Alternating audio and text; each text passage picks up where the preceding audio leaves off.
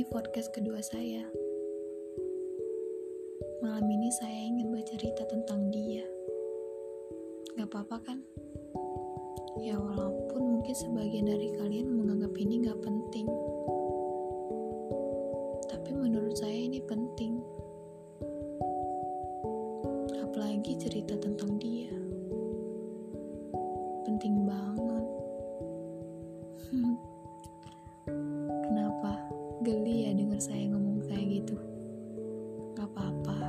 Saya juga.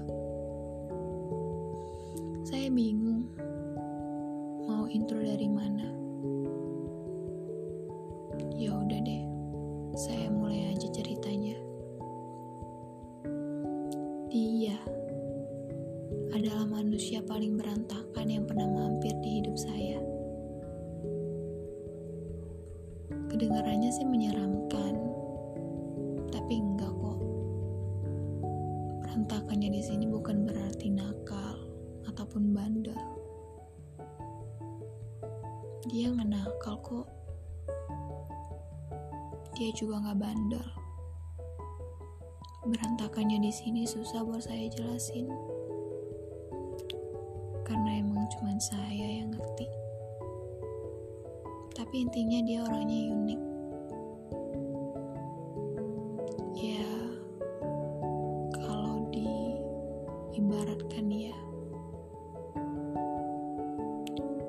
Dia bisa aja terlihat keren tanpa harus rapi.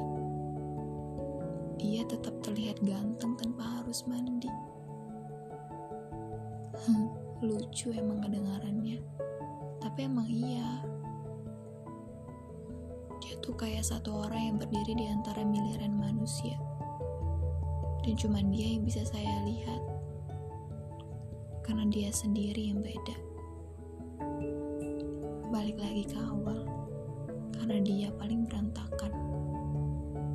Tapi ada satu kelebihan dia yang bisa membanggakan dia. Dia jago banget main alat musik. tapi sayangnya dia nggak ngerti apa gunanya yang sebenarnya. Ya, kalau kalian mikir alat musik untuk apa? Alat untuk membahagiakan pasangan kan? Untuk menyenangkan semua orang, pendengar, penonton. Ya intinya sebenarnya dia bisa aja romantis dengan apa yang dia bisa. Tapi dia lebih memilih dingin dengan seribu bahasanya. Yang bahkan saya sendiri kadang gak ngerti maksudnya Dia menjadi alasan saya menulis sejak pertama kali saya ngeliat dia. Jauh sebelum saya tahu namanya. Apalagi dengar suaranya dari memimpikan sekedar tahu namanya adalah awal dari cerita ini sebenarnya. Hingga saya nulis tahap demi tahap yang membawa saya dekat sama dia. Eh belum deh, nggak secepat itu maksudnya. Sebelum bisa dekat sama dia, banyak banget fase menyedihkan yang harus saya lewatin sendirian. Mulai dari cuman bisa ngeliatin dia dari jauh, nyari tahu soal dia,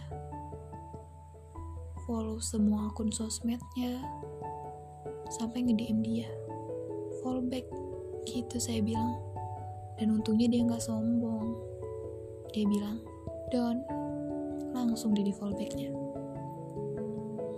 Bahkan saya pernah nekat minta nomor WA-nya, tapi tapi nggak langsung ke dianya sih. Ya kali saya senekat itu. Saya minta nomor WA-nya sama teman sekelasnya. Satu jurusan sama dia. Kebetulan dia juga teman saya. Jujur emang gak gampang sih buat ngelakuin itu semua. Saya harus mikir seribu kali buat ngelakuin itu. Sampai akhirnya saya saya sendiri ngerasa kehilangan harga diri saya. Lanjut. Penderitaan saya nggak sampai situ aja. Keesokannya saya dengar berita dan gosip-gosip dari teman-teman kalau dia sebenarnya udah punya pacar. Apa reaksi kalian kalau dengar gebetan kalian udah punya pacar? Nah, sejak hari itu, hari saya makin riuh. Seolah kacau nggak tahu mesti harus ngapain. Saya sendiri bukan siapa-siapanya. Sendiri bahkan sebenarnya nggak tahu siapa saya. Bisa bayangin kan segila apa saya kalau setiap hari saya harus dengar berita kayak gitu. Tapi saya tetap yakin sama hati saya. Entah saya bodoh atau emang terlalu percaya diri, tapi dia udah berhasil bikin saya nggak bisa lari dari plan yang udah terlanjur saya tulis sendiri. Di saat teman-teman saya tahu kalau saya suka sama dia, mereka semua sependapat bilang kalau saya nggak bakal bisa dapetin dia. Ya emang gak ada yang salah sih dari opini mereka. Karena secara logika pun emang gak masuk di akal kalau dia bisa suka sama saya. Tapi ada satu yang hati saya selalu bilang. Semesta selalu punya cara buat ngedatengin cinta dari jendela mana yang ia kendaki. Hingga saya sampai di suatu titik di mana saya ngerasa jadi manusia paling kacau. Saat itu saya ngeliat dia foto bareng cewek yang hampir setiap hari dia post di sosial medianya. dan itu udah berhasil bikin keyakinan di hati saya enyah mungkin yang pernah ngerasain ini bakalan ngerti rasanya kayak gimana. Ya yang bisa dilakuin cuma diam ngelihat dia bahagia sama orang lain. Ya karena kalau mau ngerebut dia juga nggak bakal jamin kita bisa bahagia bareng dia kan? Sumpah itu adalah kehilangan versi saya. Waktu itu rasanya berat banget ngejalanin hari-hari dengan patahnya harapan yang saya tanam sendiri. Sampai akhirnya saya bilang sama diri saya sendiri, don't stuck in one thing. Lo harus lanjutin hidup lo. Lupain dia.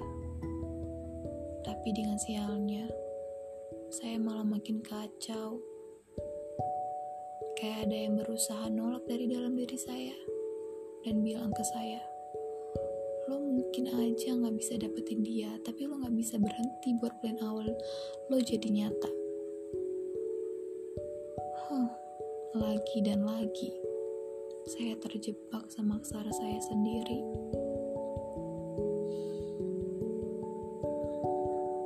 Dan akhirnya, mau nggak mau, suka nggak suka, saya ngelanjutin plan saya saya tetap nulis tentang dia dalam bentuk teka-teki yang orang lain gak bisa ngerti. Hingga suatu hari, saya dengar kabar kalau mereka putus. Jujur saat itu saya nggak tahu harus gimana. Saya nggak tahu apa yang saya rasain. Kayak logika saya udah terlanjur bilang, udahlah dia mau putus mau enggak juga dia nggak bakal sama lo. Intinya sia-sia kor.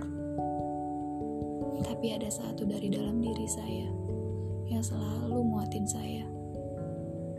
Dan benar akhirnya semesta mulai ngebuka jendela itu dan membawa dan membawa saya masuk ke dalamnya. Ah jadi belepotan gini kan ngomongnya Oh iya, batas mana tadi?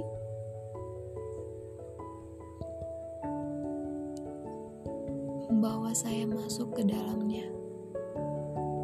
Iya, saya cukup bahagia sih. Bisa deket sama dia. Berawal dari keyakinan hati yang membawa saya hingga detik ini masih berada dalam jendela itu. jendela yang saya sebut cinta. Ya walaupun saya nggak tahu ini jendela yang tepat atau enggak. Tapi sejauh ini saya bahagia bisa sampai di sini.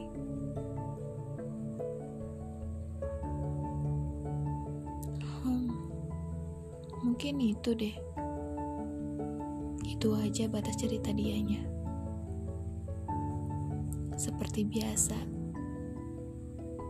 saya mau ngasih saran buat kalian yang ngerasa kalau diri kalian masih belum pantas buat seseorang atau kalian masih terjebak sama istilah ketidakmungkinan. Please, buang pikiran itu sejauh-jauhnya.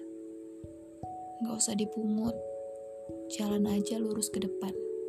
Karena buat nemuin kata rumah, kamu harus jalan ke depan. Kecuali jalan yang di depan kamu penuh duri, yang bener-bener gak bisa kamu lewatin sendirian. Maka cepat pulang itu kode kalau rumah kamu yang sebenarnya ya emang cuma diri kamu sendiri. Percaya, nanti juga kamu bakal nemuin rumah yang kamu cari selama ini. Kuncinya satu,